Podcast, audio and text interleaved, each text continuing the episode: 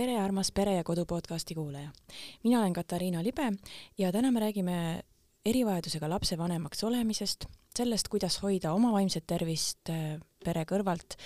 ja mis on meie sotsiaalsüsteemist puudu, kui me vaatame siis erivajadusega lastega peresid. ja selleks on mulle külla tulnud äh, Grete Tomson. tere, Grete! tere! väga armas, et sa siin oled. Äh, räägi kõigepealt natukene teie pereelust. milline on teie pere lugu siis? Mm, minu pere lugu on hästi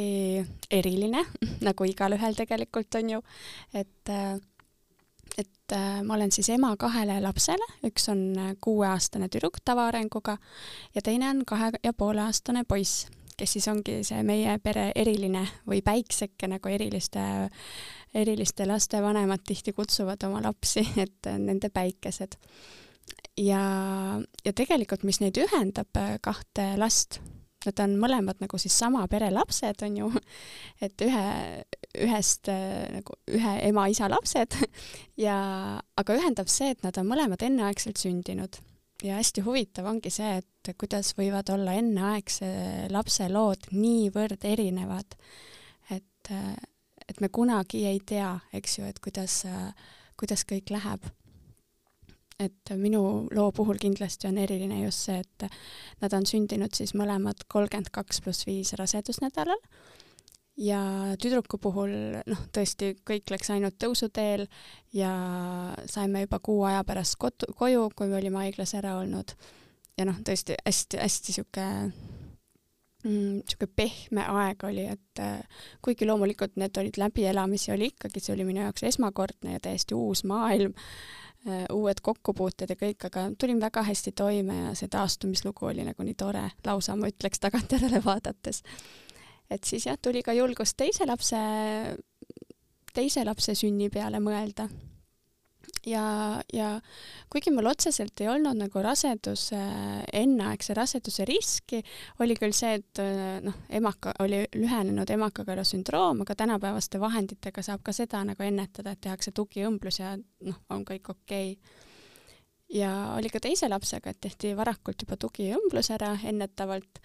aga sellegipoolest oli hästi raske rasedus, et verejooksud olid ja ikka korduvalt-korduvalt ma käisin haiglas olin sees ja lõpuks siis äh, kolmekümnendal nädalal hakkasid ka looteveed tilkuma ja tilkusid ja tilkusid, et nad ei tulnud nagu niimoodi suure hooga, vaid muudkui tilkusid. olin haiglas sees lapsega, öeldi, et kõik on korras, kogu aeg oli see, et lapsega on kõik korras, mis mind nagu tõsiselt rahustas alati. et see on ikka ju kõige tähtsam ja siis ühel päeval ikkagi otsustati, et ah, saadetakse mind koju ja oli ju koroonaaeg ka, see oli kaks tuhat kakskümmend kevad, aprilli algus, no niisugune tõsine koroonaaeg on ju. ja, ja ma ei tea siis, mis otsustel seda tehti, aga saadeti mind koju. ja, ja olin siis kodus edasi, nädal aega sain kodus olla, kui, äh, kui ma tundsin, et et mul ei ole hea olla ja helistasin haiglasse ka enne sünnitusmajja, et ma tulen. ma olin juba niisugune teada-tuntud kuju seal arstide jaoks. ja mind võeti vastu ilusti, see oli öine aeg ka, kell üks öösel. ja, ja kui ma siis sünnitusvaatlusele läksin või, või sinna tooli, on ju, ma tundsin, et mul midagi kehast tuli välja sünniteede kanalist, midagi tuli välja ja, ja siis esimese vaatlusega siis arsti nägu tõesti tõmbus tuli punaseks ja ta ütles, et see on nabanöör, eks. Läksin kiirele SOS äh, keisrile, et see oli tõesti no minutite küsimus, kus äh, ma jõudsin sinna opituppa.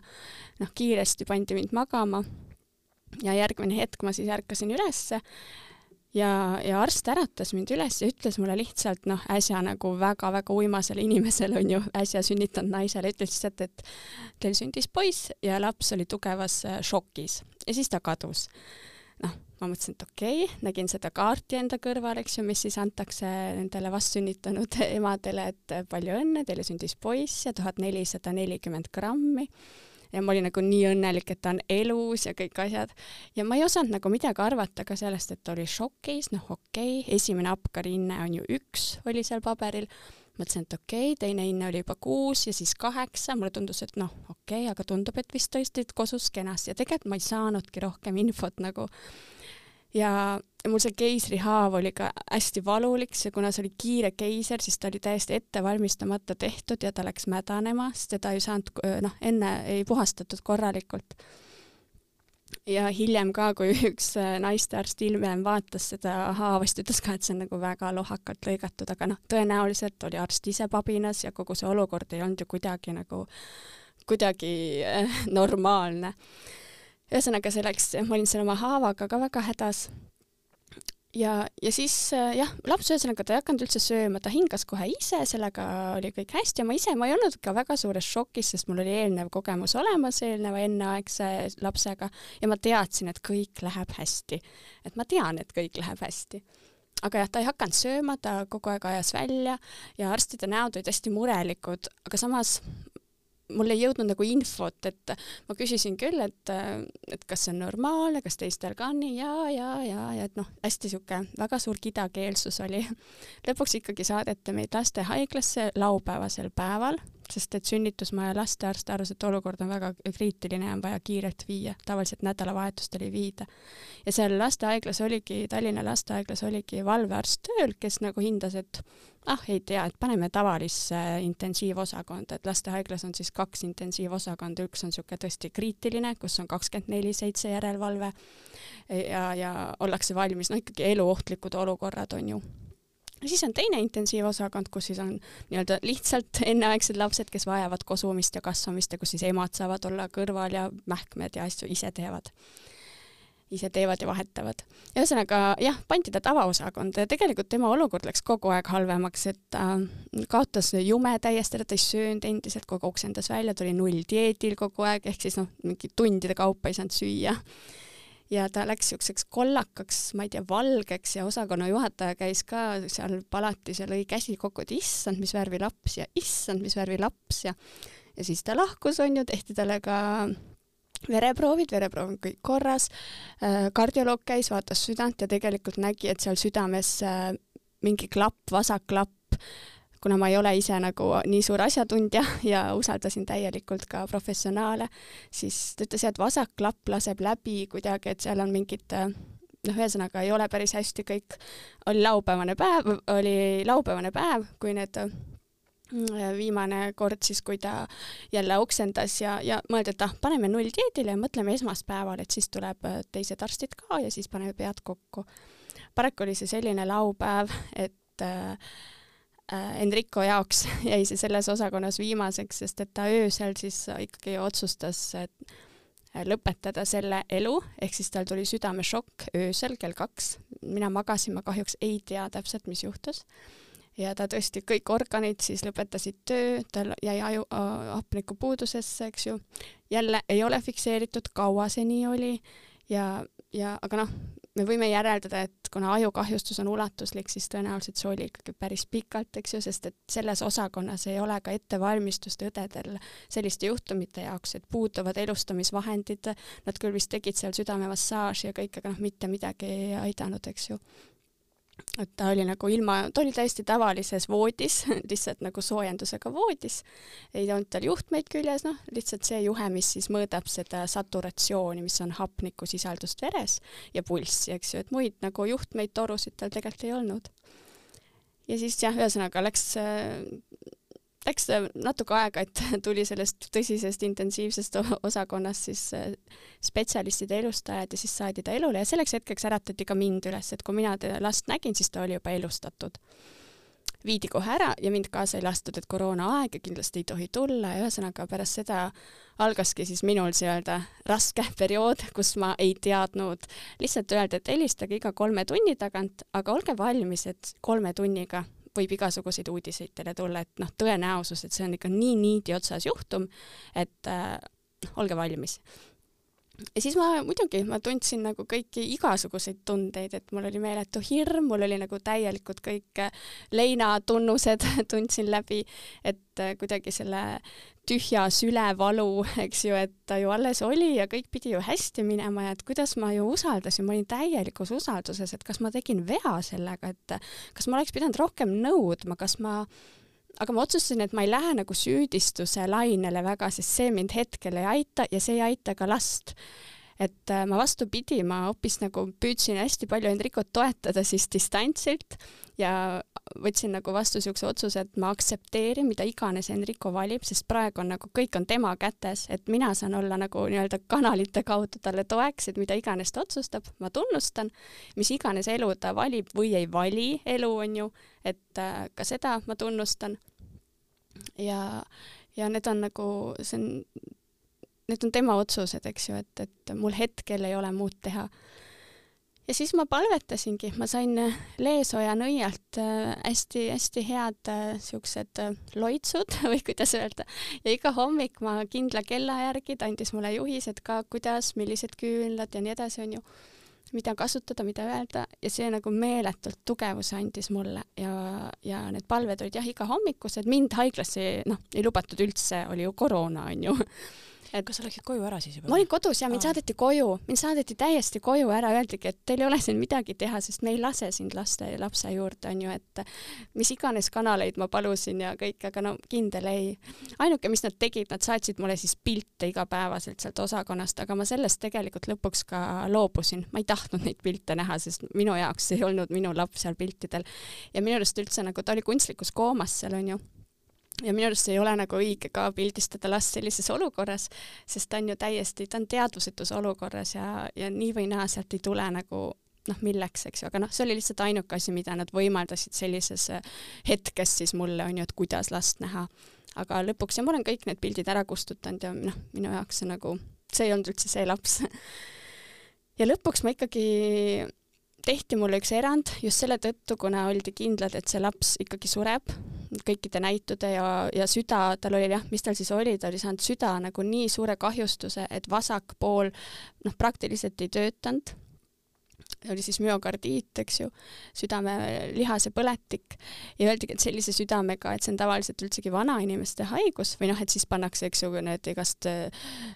südametoetajad ja asjad, sensorid, aga noh, nii väiksele lapsele muidugi seda ei saa ja siirdamisest me ei saa üldse rääkida, eks ju, et polegi esiteks saada sellist süda ja, ja seda operatsiooni ta ei elaks üle ja nii edasi. Ja, ja, ja ega ka seal mind valmistati ette, et noh, olge valmis, eks see on päevade küsimus. aga lõpuks ma ikkagi jah, mulle võimaldati sinna sisse saada selle tõttu, et äh, kuna ta on surev laps, et siis on õiglane, et ma ikkagi saaksin seda nagu näha, on ju, neid viimaseid päevi. ja ma nägin Enrikot, ma läksin täiesti tema juurde, Enrico siis on lapse nimi, on ju, ma ei teagi, kas ma seda olen maininud, Enrico, ja läksin tema juurde ja me ei olnud kümme päeva näinud. Ja ma tõesti, ma tutvustasin talle ennast, et tere, mina olen su ema. Äh, rõõm on sind näha, ma armastan sind, et noh, ühesõnaga, et hästi-hästi äh, alustasin nagu nullist et äh, ja, ja ta naeratas, ma sain naeratuse sellel hetkel. Ja siis ma mõtlesin küll, et see laps ei ole küll surev laps, et, et äh, ta ei sure. Ja ma tõsiselt, ma olin nagu nii tugev tunne, et äh, ta ei lähe kuhugi, et ta raudselt tahab seda elu jätkata. ja siis ma laulsin talle, hästi palju laulsin, ma lasin talle delfiini muusikat, delfiini hääli seal kuvöösis ja iga päevaga ta nagu olukord läks paremaks ja, ja noh, etteruttavalt ma võin lihtsalt nii palju öelda, et tänaseks päevaks on tema süda täiesti terveks tunnistatud, et tal ei ole ravimeid ega midagi südamega seoses. aga, aga sellel hetkel oligi justkui põhipõhjus, miks ta siis lahkub siit ilmast, on süda, on ju, et see oli niivõrd kehvas seisus mm ja siis jah, oligi vaikselt võeti hingamisaparaadid ära ja kõik asjad ja, ja, ja step by step läks aina paremaks. kuni meid siis jah, lõpuks äh, tehti talle ajupilt ka, ajupilt siis näitas, et tõesti ajukahjustus on, aga siiski mulle öeldi, et see on selline ajukahjustus, et ta lihtsalt vajab natuke rohkem trenni, füsioteraapiat, eks ju, aga et äh, tuleb igati nagu, kõik on nagu okei okay tegelikult.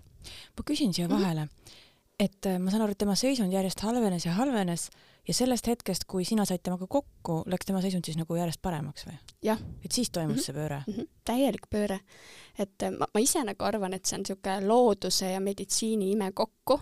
et äh, ja ma absoluutselt äh, äh,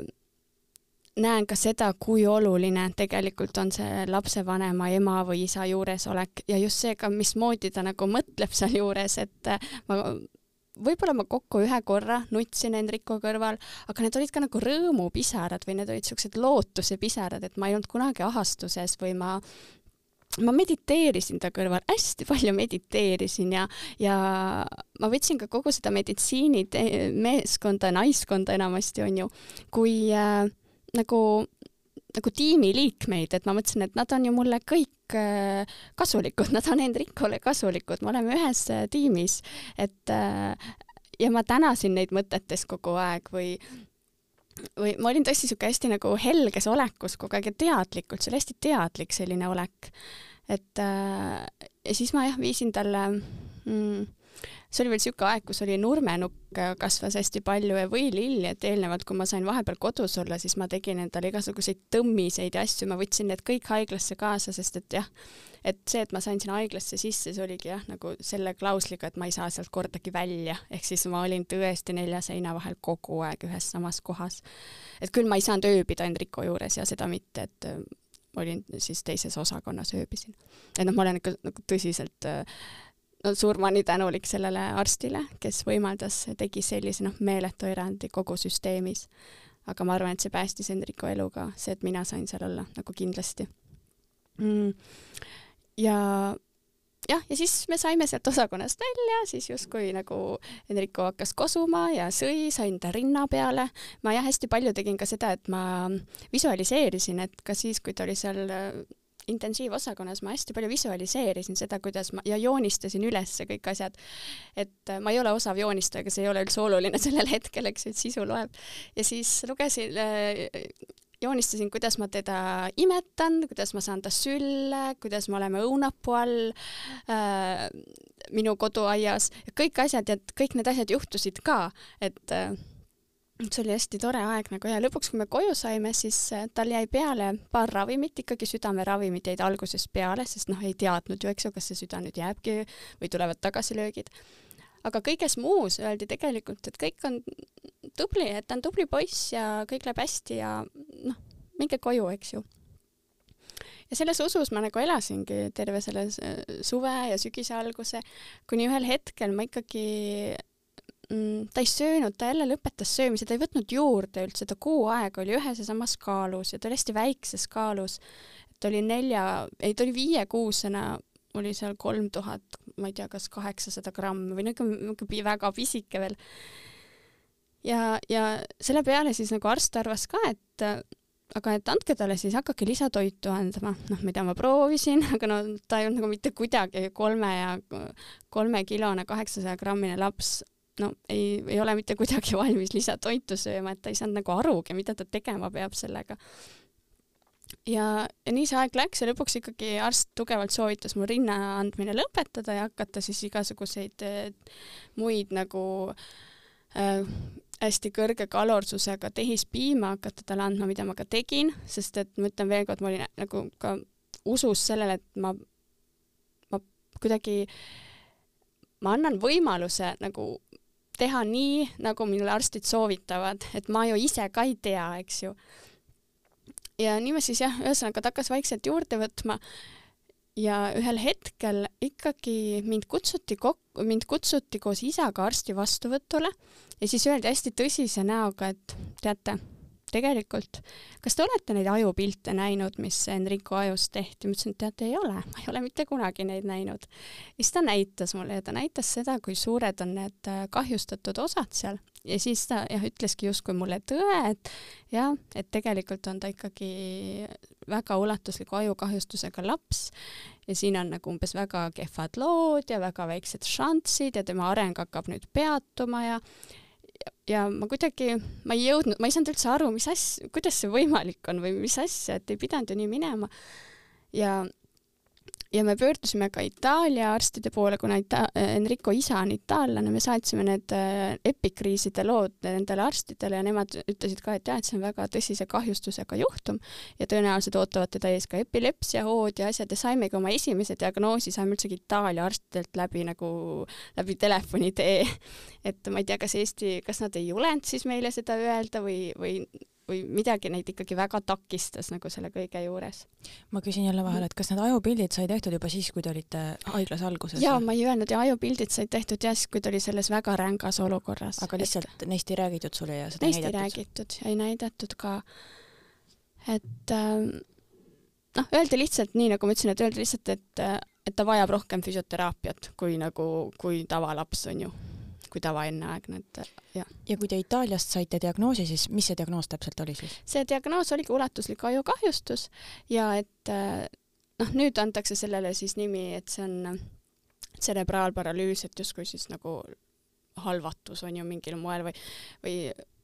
või ta nagu, mm, ta haarab tegelikult kõik, et tänasel päeval ongi see, et Enricol on nägemiskeskus ajus sai kannatada, ehk siis et ta silmad on terved, aga ta ei näe, et tal see puudub silmade ja aju vaheline kommunikatsioon. et aju justkui ei ütle talle ette, mida ta näeb, eks ju. ja ma ei oska seda täpselt ka öelda, palju ta siis näeb, et ta midagi ikkagi nüüd on hakanud nägema, see on taastunud ja veel kord, need on nagu väga suured äh, tööd, mis on selle taga olnud, et äh, me teeme teraapiaid, nägemisteraapia, äh, nägemisteraapias käime ja seda me teeme Itaalias kord aastas, sest Eestis puudub sellisele nägemisdiagnoosile või nägemishäirele äh, terapeut või oskus. ja sealt siis meid jah, on õpetatud Itaalias, kuidas äh, äh, mis harjutusi teha ja me siis ise oleme ehitanud igasuguseid abivahendeid nägemise stimuleerimiseks mm ja, ja tal on ka siis äh, sügav liikumispuue, eks ju, et ta äh, siin alles suvel õppis keeramise ära ja, ja et no muidugi ta noh, on selles suhtes ka kõnetu, et ta ei räägi veel, aga samas ta häälitseb ja, ja nagu suhtleb siis niimoodi helide teel, et tema maailm, ta kuuleb täielikult hästi. ta, tema on täielikus helide maailmas elab, et, et igast muusikad, asjad, me käime muusikateraapias, see talle meeldib, et ta on noh, tõesti niisugune täielik Äh, helide inimene ja vesi ka meeldib, et vees ilmselt aga nagu kaovad kõik takistused, mis siin maa peal on.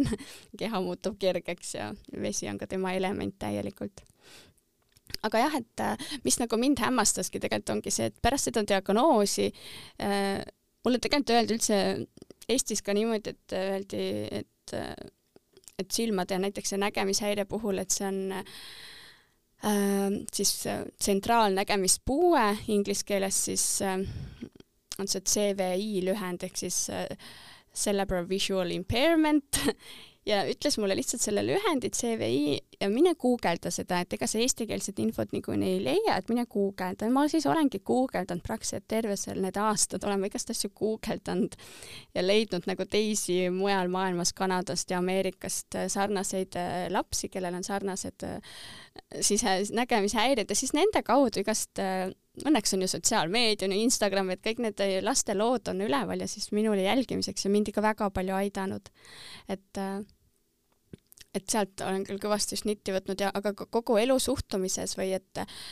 et ma näen, et kõik on tegelikult võimalik nende lastega teha, hästi palju loeb, mismoodi sa nagu suhtud sellesse, et et kuigi nagu nagu kasvõi haiglasüsteemi mõttes on need pered ikkagi täiesti üksi, et nad saavad selle diagnoosi kätte ja siis lihtsalt lähed selle koormaga koju nagu ja siis vaatad edasi, kuidas sa nüüd eksisteerid, on ju, või mis sa selle infoga teed. et äh, ma isiklikult olen valinud selle, et ma ei ole väga diagnoosides kinni, ehk siis ma olen nagu jätnud selle äh, meditsiinivaldkonna nii palju nagu nend-, selle, nende meditsiini nagu meedikute pärusmaaks, et äh, vajalikuga viin ennast kurssi, aga kõik muu ma nagu jätan mm,, jätan õhku või jätan siis nii, nagu on ehk et ma liialt ei süvene ja mis see diagnoos ütleb ja, ja mis need väljavaated on, et ma vaatan lapse pealt hästi palju. et Enrico on hästi elurõõmus, äh, ta on niisugune, talle meeldib sotsiaalne elu, talle meeldivad teised lapsed, äh, talle meeldib suhelda omal moel küll, on ju ja, ja kasvõi nagu, kui ta on oma õega koos, kes on kuueaastane, õde väga armastab teda ja talle meeldib temaga koos olla ja tegeleda. eks neil on muidugi nagu ka siukseid õe-venna vahelisi olukordi on ju, et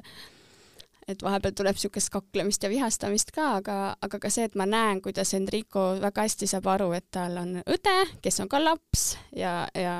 naerab ja itsitab temaga koos nagu hoopis teisel tasandil, kui ta näiteks minuga suhtleb mm ja ma käin väga palju mänguväljakutel temaga võimalusel, et igal pool linnas äh, lapsed tulevad, tavalapsed siis nii-öelda tulevad tema juurde, tahavad mängida, noh nüüd natuke vähem, just kui ta väiksem oli, siis hästi palju ant-, andsid talle mänguasju ja ja siis ma viisingi emmesid kurssi ja lapsi ka kurssi kõigega, et milline laps mul on ja, ja see on nagu uskumatu, kuidas nagu laste suhtes ei tule mitte mingit takistust pärast seda kuuldes või neil vastupidi, kasvab nagu uudishimu, et neil saab, neil on nagu nii põnev vaadata Enricot, et mismoodi ta rullib ennast ja mismoodi ta siis nagu jälgib ja suhtleb, aga aga tihtipeale, mitte alati, on väga toredaid teisi perekondi ja vanemaid ka, aga tihtipeale kuidagi tekib niisugust eemaldumist, et ma tunnen nagu, aga see ei ole alati ja nii, et, et aga see tuleb ilmselt oskusest, et lihtsalt ei osatagi rohkem midagi öelda, et see võtab nii pahviks, eks ju, ja ja vältida niisugust ebamugavat vaikust või kohmetust, siis ma saan nagu nii aru sellest tegelikult. et ja noh, siinkohal ongi, et minu arust oleks nagu äh, hästi tore, et kõik need erilised lapsed ka, et nad, need päikesed, et vajavadki hästi palju sidumist meie ühiskonda, et mitte nii väga eraldumist. et mm, jah, nende nagu vajaduse piires või nii palju, kui ne neile nagu sobib, eks ju, et eks lapsed on ka erinevad, et et, et just, et neid kohti on nagu vähe, et kasvõi siin meie mänguväljakutel, et mida suuremaks Enrico kasvab, praegu mul on lihtne, et ta mahub nendesse kiikudesse ära ja kõik, aga tegelikult nagu puudub ka ütleme, niisugune siis äh, vahendid tal seal mänguväljakul midagi üldse teha, eks ju, et on küll erivajadustega laste mänguväljakud ju olemas, aga need on ka eraldi siis kuskil, eks ju. et nende tavakiikude kõrval võiks olla igal mänguväljakul ka erivajadusega lapse kiik, et et nad on meie keskel täiesti olemas ja nad on väga ägedad, et äh, lihtsalt nagu tasub neid märgata ja ja ja nagu täiesti julgelt minna lähedale ja ma isegi nagu soovitan minna lähedale, sest et et täiesti, sealt avaneb täiesti uus maailm. ja, ja nad pakuvad väga palju, et millist rõõmu ja siirust nende sees on, et see on nagu hämmastav. et äh, jah. ma tahtsingi küsida, et mis sa arvad, mis on see kasu nii-öelda, mis saab siis tavalaps selle erivajadusega lapsega suhtlemisest või, või kui ta ema tulebki juurde ja mm, -hmm. ja mhm. lapsed viiakse kokku ja ähm,? Ta saab kindlasti eelkõige seda kasu, et me kõik ei ole ühtemoodi. Ja see, et keegi on erinev, ei tähenda, et ta on kuidagi vähem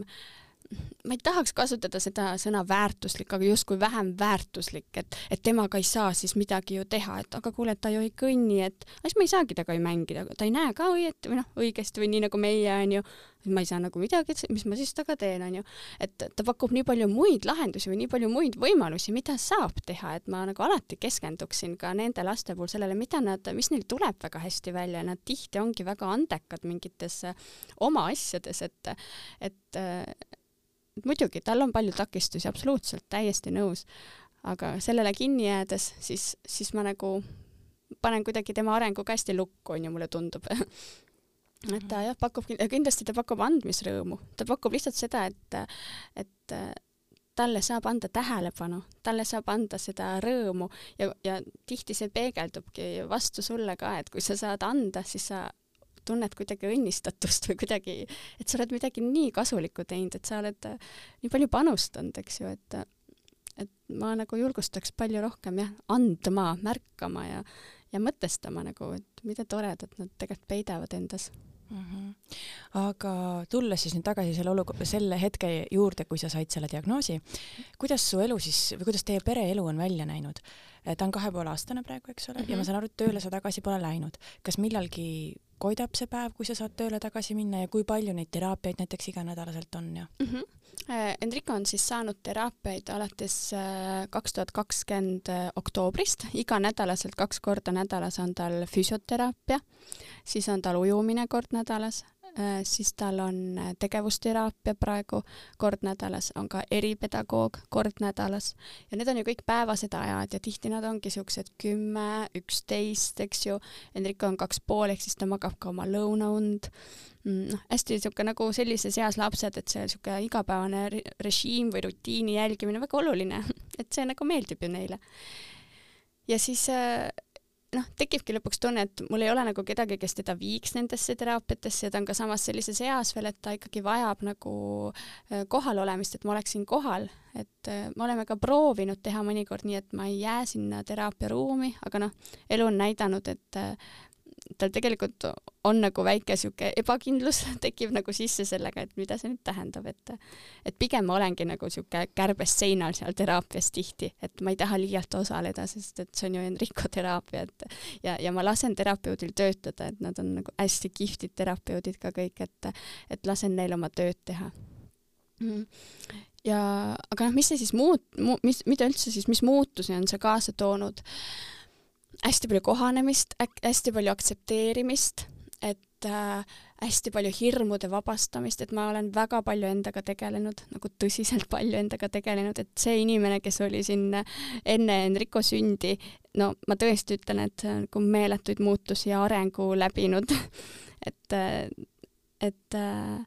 et ma näen palju rohkem, ma näen nagu laste taha, ma näen perede taha, ma näen nagu emade, isade taha palju rohkem, et see pilt on laienenud kõvasti. Ja ka kindlasti see, et mis üldse elus nagu tähtis on, eks ju, et, et et võib-olla ütleme, mingi tühi asja, tühiste asjade peale mina ei virise enam, no ma tõesti nagu näen pigem nagu rõõmu asjades. aga jah, et ega see ei ole ju nii helge alati olnud või see ei ole nagu kergusest tulnud, et, et ma loomulikult olen mm, hästi palju siis endaga tööd teinud ka läbi, noh, mul oli sünnitoetaja ka äh, omal ajal, kui ma ootasin siis Hendrikot veel, eks ju, et tema äh, on mind väga-väga palju aidanud ja toetanud, ta on minuga väga häid praktikaid läbi teinud ja harjutusi ja ja nagu suunanud just seda võib-olla ka nagu mõtteviisi, kuidas toime tulla siis sellise, sellise reaalsusega, eks ju. et äh, et jah, et äh, mõelda just nii, et mina armastan Enrikot ikkagi, et see, et tema on valinud endale sellise teekonna käia, see ei takista kuidagi nagu mind äh, teda armastamast või nägemast temas neid pooli, mis on nagu, mis on, ta on ju minu laps ikkagi, on ju. Et äh, aga jah, tihti on see, ega see on toonud ka lahkhelisid näiteks äh, mehega, me oleme koos, pere on kõik koos veel, veel või noh, enne loodame, et ikka, ikka veel pikk tükk aega. aga loomulikult on lahkhelised, et ega mehed e, elavad seda kõike teistmoodi välja, et temal tuli nagu sihuke võitluse instinkt või sihuke nagu sõdalase instinkt välja, et tema tahab kohe hakata nüüd äh, kaebama kõiki kuhugi igale poole, tema tahab kaevata ja ta tahab teada saada, kes nagu vastutab selle kõige eest, eks ju, ja et miks õigel ajal ikkagi ei tehtud väga olulisi otsuseid, et need eluks olulised otsused ja muidugi oli ju koroonaaeg ka, ehk siis kui Enrico oli haiglas, eks ju, et isa nägi last esimest korda, kui ta oli mm, kahekuune ja teda ei lastud mitte mingite süsteemidega, see teda nagu hästi nõrgestas, on ju. aga noh, tänaseks päevaks on ta ikkagi saanud väga suure kontakti Enricoga ja ka selle jaoks olen ma palju tööd teinud, et ma olen andnud neile omavahelist aega, sest Enricol sama oluline, kui olen mina, on ka isa, et, et ma arvan, et see, see isa pool on nagu väga-väga-väga oluline, et just selliste laste puhul nagu eriti super oluline. ja kui Enrico käib ka taastusravidel, me käime ka Haapsalus neli korda aastas, Haapsalu siis äh, rehabilitatsioonikeskuses, siis ma alati saadan ka Enrico isa sinna pooleks ajaks, et pool aega olen mina, teise poole siis on Enrico isa et jällegi, et ta näeks, mismoodi, mismoodi Enricoga tööd tehakse ja milline laps ta on, on ju. Äh, sa rääkisid sellest, kuidas sa ise oled endaga tööd teinud mm. -hmm. aga kui palju on ähm, riiklik süsteem abi pakkunud vaimse tervise osas just vanematele või kas on selleks mingid võimalused mm,? no riik, vanematele, ma, minu, minul ei ole küll kogemust, vähemalt minuni ei ole jõudnud ükski äh, ükski nagu abi või, või programmi tutvustus või midagi, et küll ma olen uurinud oma perearsti käest, aga tema ütleb, et tema saaks ikkagi psühholoogi mulle pakkuda ainult sellisel juhul, kui mul on kliiniline siis noh, ikkagi diagnoos on ju, et kliiniline psühholoog, et aga seda teed ma ikkagi ei lähe, sest ma ei arva, et, et, et minu elu päästaks kuidagi antidepressandid, et ma saan aru, et oleks neid valmis kohe kirjutama, et ma ei näe ka neid tunnuseid, et mul oleks neid vaja. ja, ja, ja üldse, mis lahendus see nagu on, et, et see, sest et ütleme nii, et et sellise kriisi läbi teinud emale või mõnes mõttes, kui sul on sügava puudega laps, siis see kriis on eluaegne. et see kriis lihtsalt muutub, muudab faase siin elus, laps ju kasvab, tal tekivad kogu aeg muud vajadused ja ta ise muutub, on ju. et see kriis on ju pidev et mis see siis oleks, eluaegsed antidepressandid või, või mis see siis päästaks, et et nagu ma ei lähe sellele teele, ma, kui vähegi võimalik, ma ei ole kuidagi nende vastane, absoluutselt, ma ei taha nagu seda kuidagi rõhutada, aga, aga ma lihtsalt arvan, et siin peab olema muid variante ka. et aga see olekski justkui see toetus, eks ju, ja ja kindlasti, mis süst-, sotsiaalsüsteemis puudub, on kommunikatsioon, et see on nagu hämmastav, kui raske on suhelda arstidega, kui raske on neile ligi pääseda. Äh, teinekord ma ajan arsti taga, neuroloogi nädalaid ja ma ei saa teda kätte ja noh, lõpuks ongi see, et pead siis õdede ja kuskilt, ma ei tea, mis teiste spetsialistide kaudu taga ajama. ja, aga ka nagu kasvõi mingit infot saada, et nad natuke räägiks rohkem selle kõige taha või et noh, just puudub niisugune ümarlauasüsteem, minu arust peaks, peaks lausa olema kohustuslikud ümarlauad, kus on kõik siis spetsialistid koos, et nii selle lapse enda, kas siis äh, raviarst või neuroloog, füsioterapeut, no kõik logopeed ja nii edasi, et nad saavad kõik üksteisele otsa vaadata ja rääkida sellest lapsest, aga et vanemad oleks ka seal laua taga. ja ma ei arva, et neid vanemaid peaks nagu kuidagi distantsil hoidma või mingeid asju neile mitte rääkima või või kuidagi moonutama mingeid jutte või edasi lükkama, et no milleks, et mida ausamalt ja otsemalt, avatumalt suhelda, seda, seda parem. ja tegelikult see on võimalik, sest et äh, ma saan aru, et on nagu koormus suur ja kõik, aga aga ma usun, et tahte korral on kõik võimalik et äh, aga jah, et selle koha, jah, mingit, ütleme, vanemate toetus on ikkagi täiesti puudulik. küll aga siis saab nagu oma initsiatiivil, eks ju, et siit-sealt leiad neid eh, sarnase saatusega peresid ja see on parim nagu teraapia, on suhelda nagu sama mätta otsas istuva inimesega, et ta poole lause pealt ta mõistab su läbielamisi, ta on sarnase asja läbi teinud ja ja kindlasti see valu tundmine, see tuleb ka ära tunda, et see on nagu, see kõik tuleb ära tunda ja välja lasta ka ja ka nutmine on täiesti okei okay., et see ju ka leevendab seda stressihormooni mõju, on ju, ja minu arust nutt on nagu nii tervislik et noh, jah, lihtsalt võib-olla vahepeal kontrollida seda sagedust, aga üldiselt, et ma ei tea, kord kuus nutta on ju täitsa, miks mitte aga see, mis puudutab last ja ütleme, tugiteenuseid, mis -hmm. lapsele pakutakse, et kas selles osas sa oled rahul? Sellega, mis riik äh, Haigekassa rahastusega pakub? no mina räägin enda kogemusest, eks ju, et ma ei saa nagu teiste eest rääkida, aga mina olen rahul nii palju, et ma olen nad ise välja otsinud, et ega riik ju ei paku sulle midagi, sa pead ise leidma need inimesed, sa pead ise leidma selle kliiniku, need tegijad, et seda sa pead ikkagi ainult ise ja ise ajama, et ka nende tase on ju erinev ja see klapp ei sobi alati iga lapsega, on ju, ja et ma olen ka väga palju pettu-, pettunud ja ma olen ka pisarates lahkunud taastusraviarsti kabinetist ja lihtsalt sellest, kui, kui äh,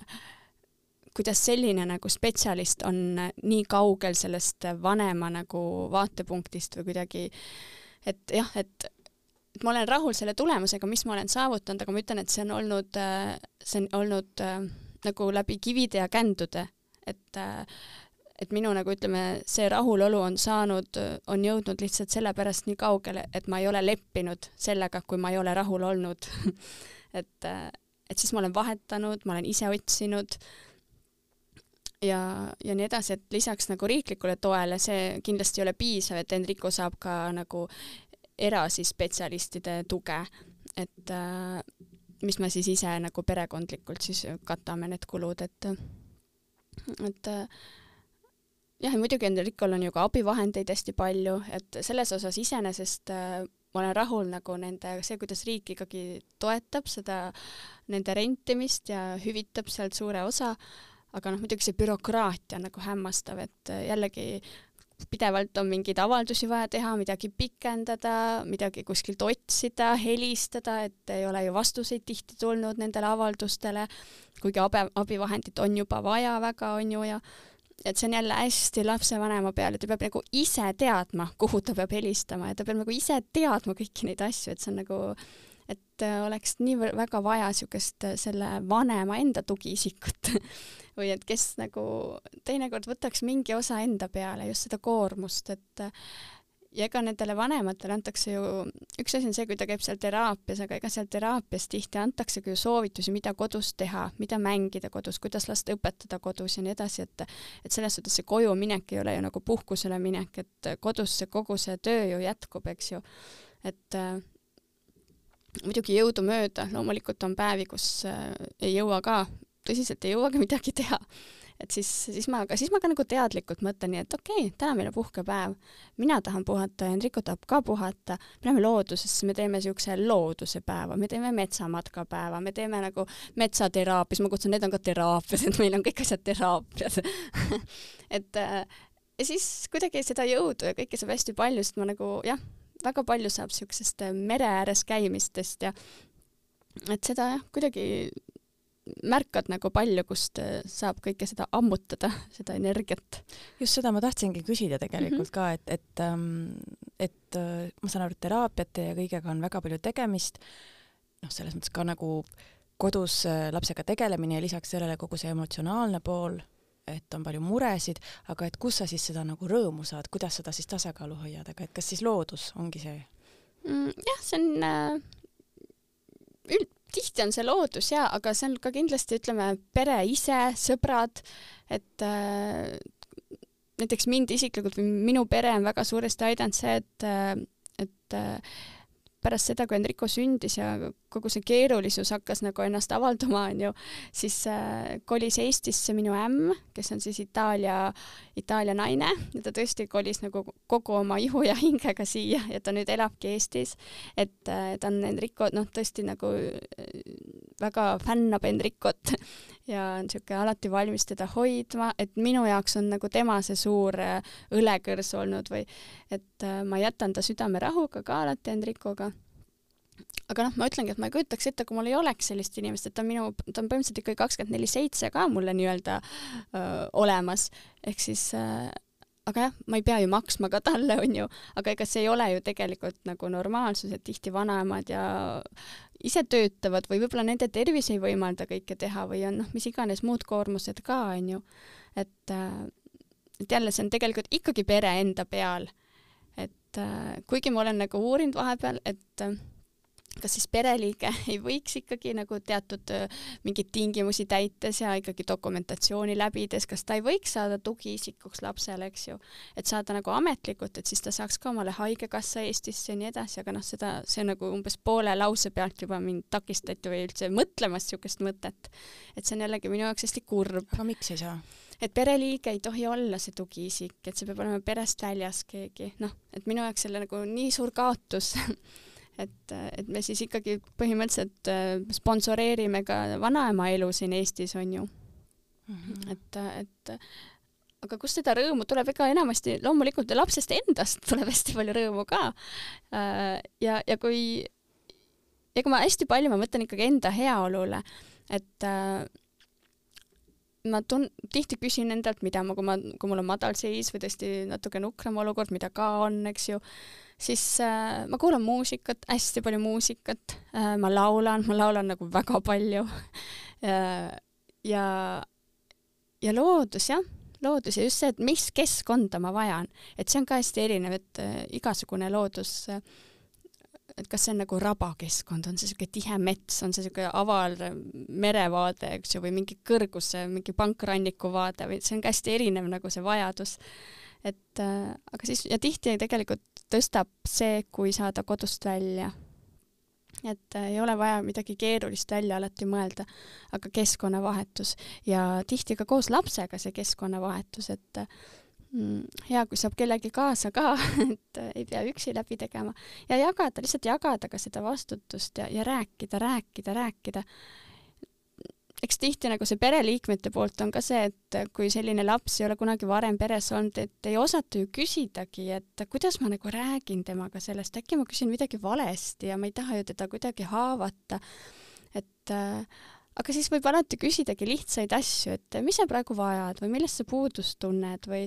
või millest sa unistad või, või räägi oma lapsest, on ju, või sest äh, nendest on väga palju rääkida, et et võib nagu teistmoodi küsida, et et tihti on jah need klišeelikud laused on ju, et igalühele antud, on antud nii palju, kui ta jõuab kanda ja küllap on see millekski hea,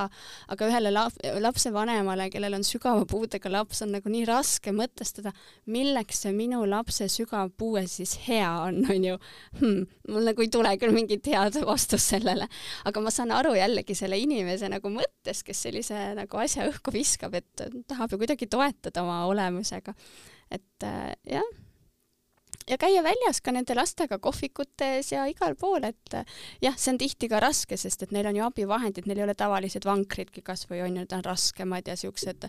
aga siis jah, võib ju alati abi küsida. Enricoga, kui ma jalutan, trolliga sõidame mõnikord ja siis alati on keegi, kes aitab tõsta meid sinna peale ja sealt maha ja ja, ja rannas olen Enricoga käinud ja ja siis on ka mind ikkagi märgatud, Enrico kriiskab mõnikord päris niimoodi, et ma noh, siis ma jällegi mõtlen, et kelle probleem see tegelikult on, et ma tunnen, et see võib häirida teisi inimesi, aga see ei ole jällegi nagu, see ei ole ju tegelikult minu probleem mõnes mõttes, et, et tead, siis kui ma kogu aeg mõtlen teiste arvamuse peale, no siis ma jäängi koju istuma, onju. ja Enrico samamoodi, siis ta nagu ka ei kohanegi kunagi ära, et mis asjad on avalikud kohad ja, ja see on jah mm, -hmm. et jah, kõik siuksed. aga tööle sa naasta veel pole saanud eks ole, et aga kas sul on mhm. mingeid ähm,, tööl sa ei käi, ma saan aru praegu, aga kas sul on mingeid muid hobisid või midagi, mida sa iseenda jaoks teed mm,? minu vaba aeg hästi suures osas läheb raamatute lugemisele mm, või podcast'ide kuulamisele ja minu podcast'id on ka siuksed, et et kui äh, mul on mingid ajuteemalised podcast'id ja mingi kõik siuksed äh, mõnikord natukene ka siuksesse äh, vaimsusesse hästi nagu äh, minevad podcast'ide teemad ja ja jah, kuidas nagu siuksed vaimse tervise podcast'id on minu teema sügavalt. aga mulle meeldib ka käsitööd teha, mulle meeldib äh, noh, ma olen siuke seikleja hingega ka, et aga minu seiklused ei pea nagu üldse kuskil kaugel olema, et minu jaoks võib seigelda nagu siinsamas kodumaal ka väga palju samas linnas ja et ja tööl ma ei käi jah, sest et ma ütlen, et see hoolduskoormus hetkel on ikkagi niivõrd suur, et õnneks ma nagu mõistan seda, et Enricoga kasvab ja ta ka muutub, et tal on lasteaiakoht küll olemas, ta on Heleni lasteaias, käib hetkel. ta on seal käinud siis ka nüüd mõned korrad, aga ta väsib seal hästi kiiresti, et tema jaoks kaks tundi lasteaias on tõesti nii, et ta magab neli tundi pärast seda, kui ta on kaks tundi olnud lasteaias. et siis ma annan ka nagu, mõistan seda, et okei okay,, see ei saa olla nagu igapäevane, kindlasti mitte, onju, et siis ta käibki praegu kaks korda nädalas seal lasteaias. ja jällegi, kuidas, kuidas ma siis teeksin seda, et äh, millisele tööle ma siis selle kahe tunniga jõuaksin minna, onju et äh, ma olen mõelnud ju igasuguseid mõtteid, et äh, meil on ju pereettevõte ka, et mu mees peab siis äh, äh Tallinna vanalinnas Itaalia rõiva butiiki ja Pärnus on ka see pood, et ma olen mõelnud, et äkki sinna kuidagi jalaga, ühe jalaga sisse, et kas siis mingeid siukseid töid teha, mida saaks kodus teha või et ei peaks nagu füüsiliselt tund kuskil kohal käima. et igast mõtteid on tegelikult ma läbisin kevadel äh, ka selle töö, kogemusnõustaja koolituse, et äh, see kogemusnõustamiskoolitus mm, see on nagu hämmastava mõjuga, et ta on nagu täielik tervenemise lugu, et äh, ma läksin ka sinna koolitusele täiesti eelarvamusteta, aga minu arust, kes on nagu kriisi läbi teinud inimene või, või või kuidagi, kes oskab mõtestada seda, mis, mis, kuidas see elu nagu heidab meid, on ju, siis äh, ta on nagu korralik tervenemise lugu, sest et ma täiesti etapiliselt vaatasin oma loo läbi, mõtestasime, mõtestasime seda koos teiste õppuritega ja ma sain nagu täiesti uue vaate omale loole, et see on mul nii läbi töötatud või kuidagi nii äh,, nii jah, läbi uuritud ja läbi mõtestatud, et et äh, ma olen nagu nii rahu teinud sellega, et äh, et äh, et see niisugune leppimine on nagu tekkinud ja et pigem võimaluste nägemine edasi kui see, et mis takistused mul kogu aeg on. kas sa pakud kogemusnõustamist ka nüüd siis või? ma ei ole niimoodi avalikult ühtegi seanssi välja kuulutanud, aga niimoodi episoodiliselt on olnud küll ja et ma olen nõustanud noori emasid öö, oma teemadega või vabandust, noh, nende teemadega siis on ju, noorte emade teemadega, aga ja muidugi me nagu arutame ka teiste teiste emadega, kellel on sarnased lood nagu minul, eks ju, ja siis see nagu toetuse andmine on ju ka, eks ju, päris tihedalt. et ma olen saanud ja väga palju selle kogemusnõustamise koolituse nagu tehnikaid ja asju kasutada, et selline nõustamistehnikaid, aga ka enda peal väga palju rakendada. et, et kõiksigast peegeldamised ja, ja muud abivahendid on seal nagu mängus, mis igapäevaselt minu arust meid kõiki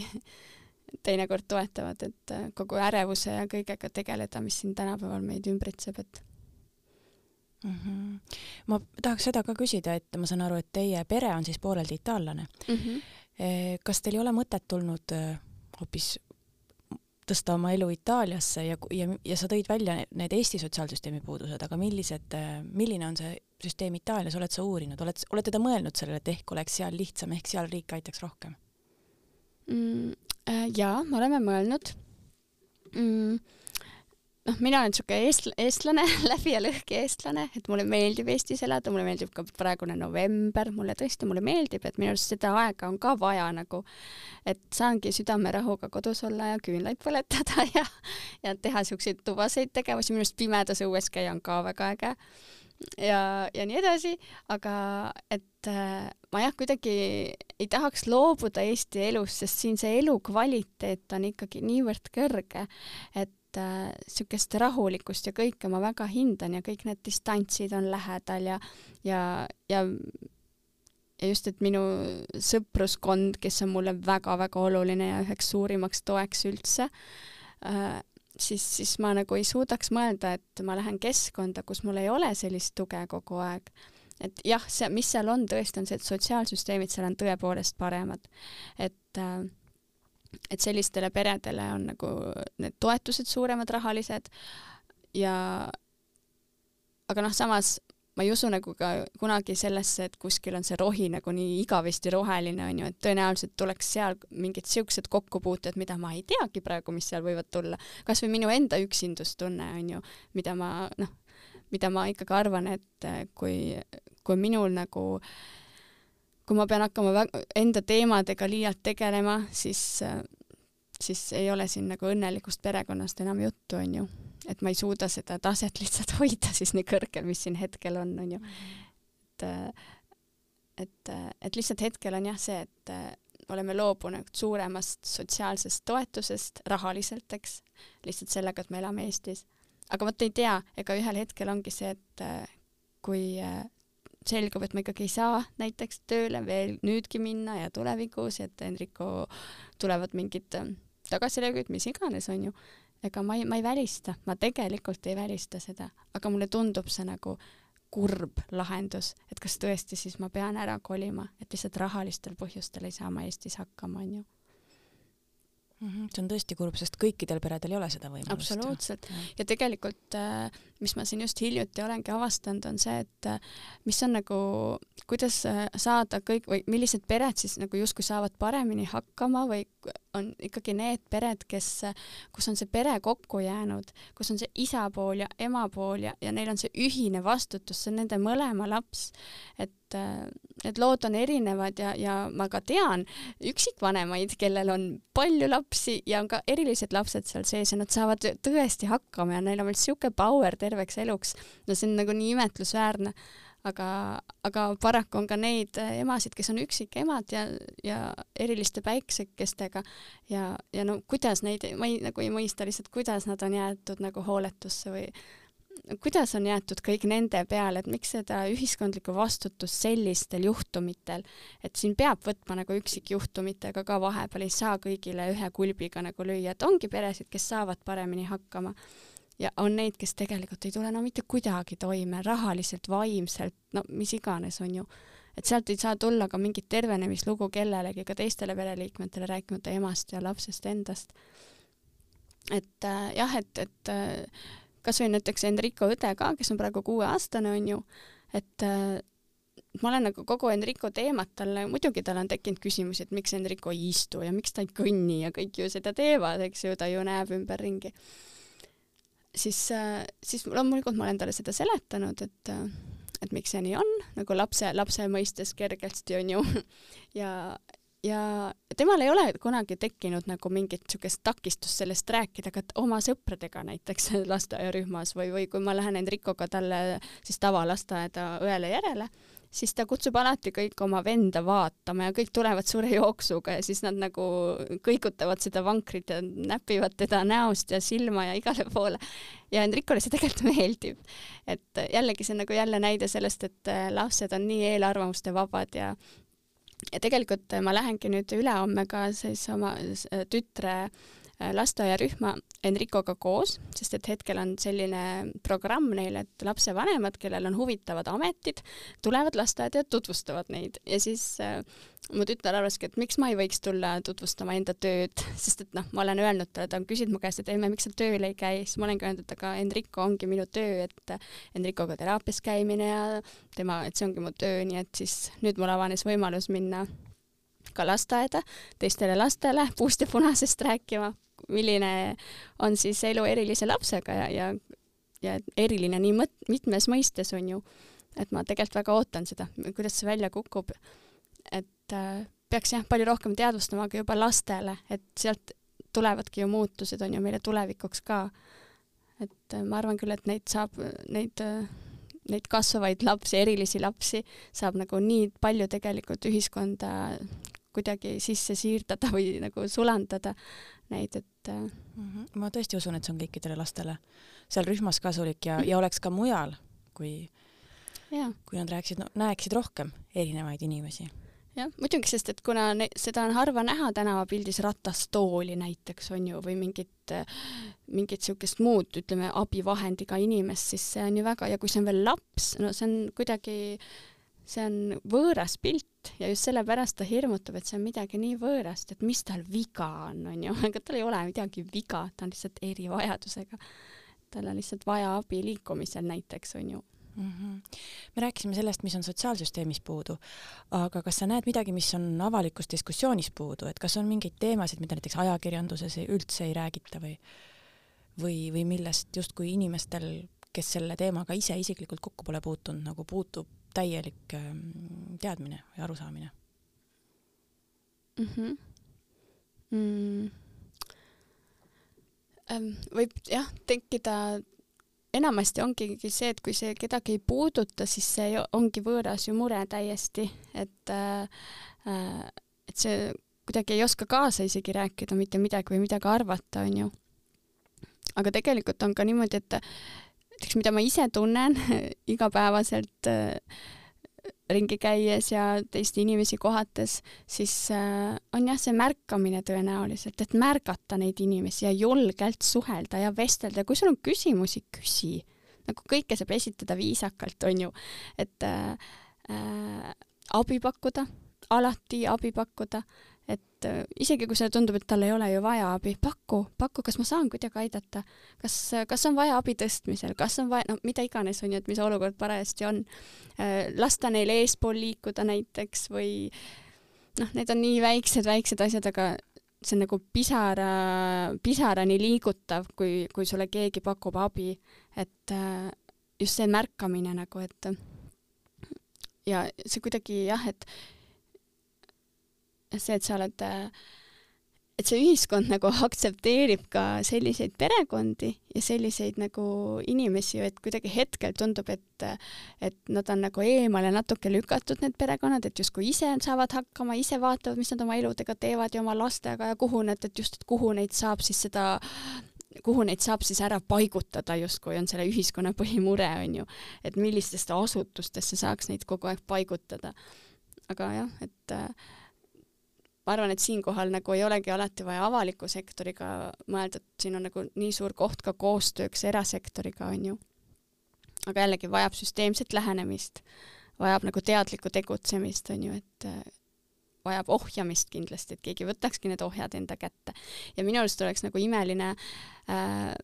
ka selline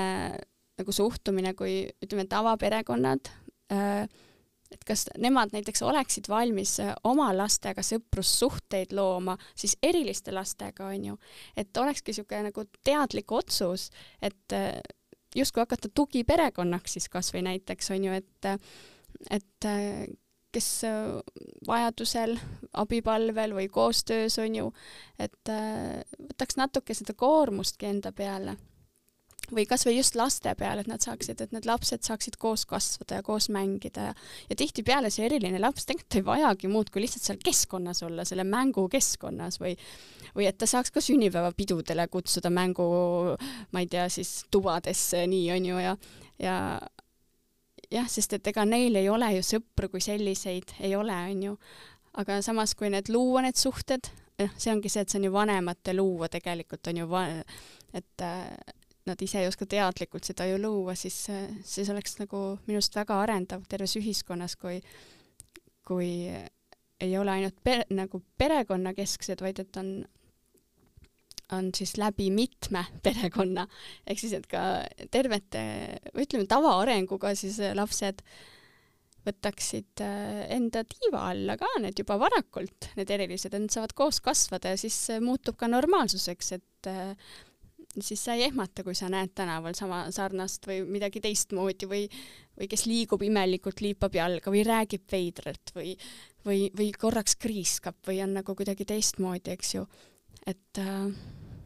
ja tegelikult on ka see, et tihtipeale ega neid diagnoose on ju ka erinevaid, et kas või näiteks autistihäirega laste puhul äh, pealtnäha tihti sa ei märkagi, et oleks midagi viga, on ju, et lihtsalt tundub, et käitub kummaliselt ja, ja tekib esialgu tunne, et kasvatamata laps ja tahaks kohe noomida vanemaid, on ju. et äh, ka see tekitab teadlikkust, et äh, alati ei olegi pealtnäha midagi justkui nagu teistmoodi, et et jah, tuleb ikkagi võtta nagu äh, eelarvamusteta kõiki inimesi, mina arvan, et seda võiks kasvatada küll.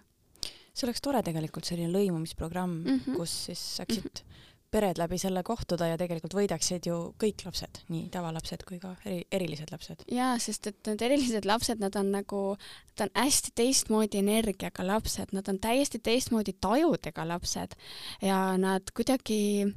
oma siiruse ja kõige sellega nad haaravad selle, nad on nagu rahulikud tihtipeale ka, ma ei ütle alati, onju. ja selle kuidagi selle kõigega nad lihtsalt haaravad ja neelavad selle tavalapse tähelepanu, sest nad hakkavad silma ja tavalastel on nagu väga-väga huvitavad, nad on lihtsalt huvitavad objektid, et miks alati lapsed jäävad vaatama, onju äh,, tänaval natuke eristuvaid inimesi, sest see on nii huvitav ja minu arust on okei okay vaadata, jällegi alati oleneb nagu kuidas, et ei pea näpuga ju näitama ja nii, aga minu arust on okei okay vaadata teistmoodi inimesi. aga see on nagu, seda tuleb ka näidata, et sa vaatad et, et ehk siis sa võid ju nagu ka küsida midagi, eks ju, et ja samamoodi ema võib ju kommenteerida oma last, on ju, et jaa, et me ei ole varem näinud ratastooli nii lähedalt või et me ei ole varem näinud äh, last, kes äh,, kellel on raskusi kõndimisega, et ja alati nagu saab seda viisakasse mahla nagu panna, onju. et ei pea nagu ära põgenema või kuidagi last, lapsega pahandama, et ära vaata või või ära mine ja ära räägi. no täiskasvanutena ka me ju tahame vaadata inimesi, kes on karismaatilised või huvitavad või mm. teistsugused, et samamoodi ju lastel, kui see on nagu huvitav ja teistsugune, siis mm, -hmm. siis see, siis ta soovibki seda pikemalt vaadata. jaa, see ongi väga põnev, jah, täpselt, väga õige, jaa see on okei okay.. aga hästi, me oleme nüüd juba üle tunni aja natukene mm. rääkinud, ma hakkaksin otsu, otsi kokku tõmbama ja ma küsiksin lõpetuseks sult, et äh, mida sa soovitad peredele kes on võib-olla nüüd sellesama teekonna alguses mm.? Uh, ma soovitaksin eelkõige seda, jääda enda lapse keskseks. ehk siis see, et uh, igas olukorrast mõelda nagu, mida sinu nagu jah, ei saa kogu vastutust lapsele panna, eks ju, ta on ju väike ja, ja, ja sel-, teistsuguses seisus uh, aga ka mõelda, kas su laps tahab, et sa näiteks meeletult võitleksid ja et sa kogu aeg muretseksid ja kas su laps tahab, et sa tunned hirmu äh,. kuidagi jah, et need lapsed on tulnud teistmoodi meid nagu õpetama, just seda, et aga tihti nagu tulebki võtta seda aega nagu rahulikult, ehk siis praegu on nii näiteks. see ei tähenda, et nii näiteks jääb äh, alati on areng kõikidel lastel, et nad äh, tihtipeale üllatavad meid väga positiivselt ja nagu uskuda enda lapsesse, et tema valib endale parima, ta valib kindlasti endale parima nagu tuleviku, mis ta siis olenevalt võimalustest saab. et äh, hästi palju pakkuda niisugust kergust, et äh, lapsed tunnetavad väga-väga hästi, eriti nagu pisikesed ja ka suuremad samamoodi, Äh, mis seisus need vanemad on või mismoodi nad mõtlevad või kui nad tunnevad, et vanemad on nagu võitlusenergias hästi siukses sõjalises või siukses agressiivses energias, siis see nagu meeletult, see imeb nagu need lapsed ka nii tühjaks, et äh, siis äh, tekib tal süütunne, eks ju, et tema on kuidagi vastutav vanemate õnne eest ja nii edasi, et ei saa, et nagu siuksed soovitused mul oleks, need on teoorias muidugi hästi nagu justkui kerge soovitada, aga, aga neid jah, läbi praktika seda endale meelde tuletada, et, et jah, et hoida nagu iseennast hoida hästi palju, mõelda, mida mina soovin, mida mina sooviksin täna teha. ja siis tuleb see laps sinu plaanidega kaasa, et või noh, jah, siuksed nagu lihtsad, lihtsuses olla just selles kõiges, et mitte võtta seda nagu äh, jälle, seda on kerge öelda, kui näiteks, kui on rahalised probleemid, siis mis lihtsuses sa oled, on ju, kui sa ei saa, kui sul on nagu tõsiselt suur mure, on ju, rahalise, sina ju vastutad ja nii edasi. tihti nagu ma soovitaksin ka seda, et jagada seda koormust, et ei pea üksinda et kas see on siis pereliige, see ei pruugi alati ka pereliige olla, see võib olla vabalt ka sõbrad, lähemad, kaugemad, et ise ka ei tasu nagu seda kontakti ära kaotada oma sõpradega. kuigi neil ei ole erilisi lapsi, võib ju tekkida tunne, et ah, nad ei saa must aru midagi ja nii edasi, aga siis tulebki öelda, mismoodi sa tunned. ja, ja mina ka näiteks oma sõbrannadega, ma tõesti, ma vahepeal ütlengi nagu välja ja ma olen nutnud, kui me oleme rääkinud ja ja, ja kõik kuidagi, see tulebki välja nagu lasta endast, et et ei pea nagu sulguma, et justkui, et neil ei ole seda lugu, siis nad ei saa aru, et ega nad tihti ei saa ka, ma ütlen ka niipidi, ega tihti ei saa ka. ja mõni teema tõenäoliselt äh, nagu enam ei puuduta, mis varem puudutas, on ju, et äh, aga jah, et jah mm. -hmm. mitte jätta ennast üksi, võtta seda kergusega ja ilmselt ikkagi tuleb endaga mingit tööd ka teha mm. -hmm mm. -hmm. jah, jah, mõelda jah, mida jah, ikkagi enda vajadused on hästi olulised, sest et kui meie oleme laetud, siis uskuge, lapsed on ka laetud, nagu see tuleb lihtsalt, nad on nagu hämmastavad peeglid, ma, ma ei tea, mis, mis nagu imevõime see neil on, nad lihtsalt peegeldavad kõike, mis me läbi teeme. et äh, ja tunnetavad väga hästi ja reageerivad meie teemadele ja, ja jah ja palju loodust, loodus nagu kõlab hästi lillelapselikult, aga tegelikult on nagu väga palju asju looduses, mida saab teha, et äh, neid keskkondi on nii erinevaid, mistõttu Eesti on ka väga äge koht, kus elada ja nii lihtne on siin igale poole ligi saada ja et äh, hästi palju olla loodusega ka nagu justkui ühenduses, eks ju ma just äh, loen õhtuti ühte raamatut puhkamisest, äh, kus on siis välja toodud mitmeid teadustöid, mis on tehtud ähm, selle kohta, kuidas loodusel tegelikult ka on tõestatud lõõgastav ja tervendav mõju. et see ei ole jah, tõesti ainult lillelapse jutt, vaid et noh, seal taga ongi teadus.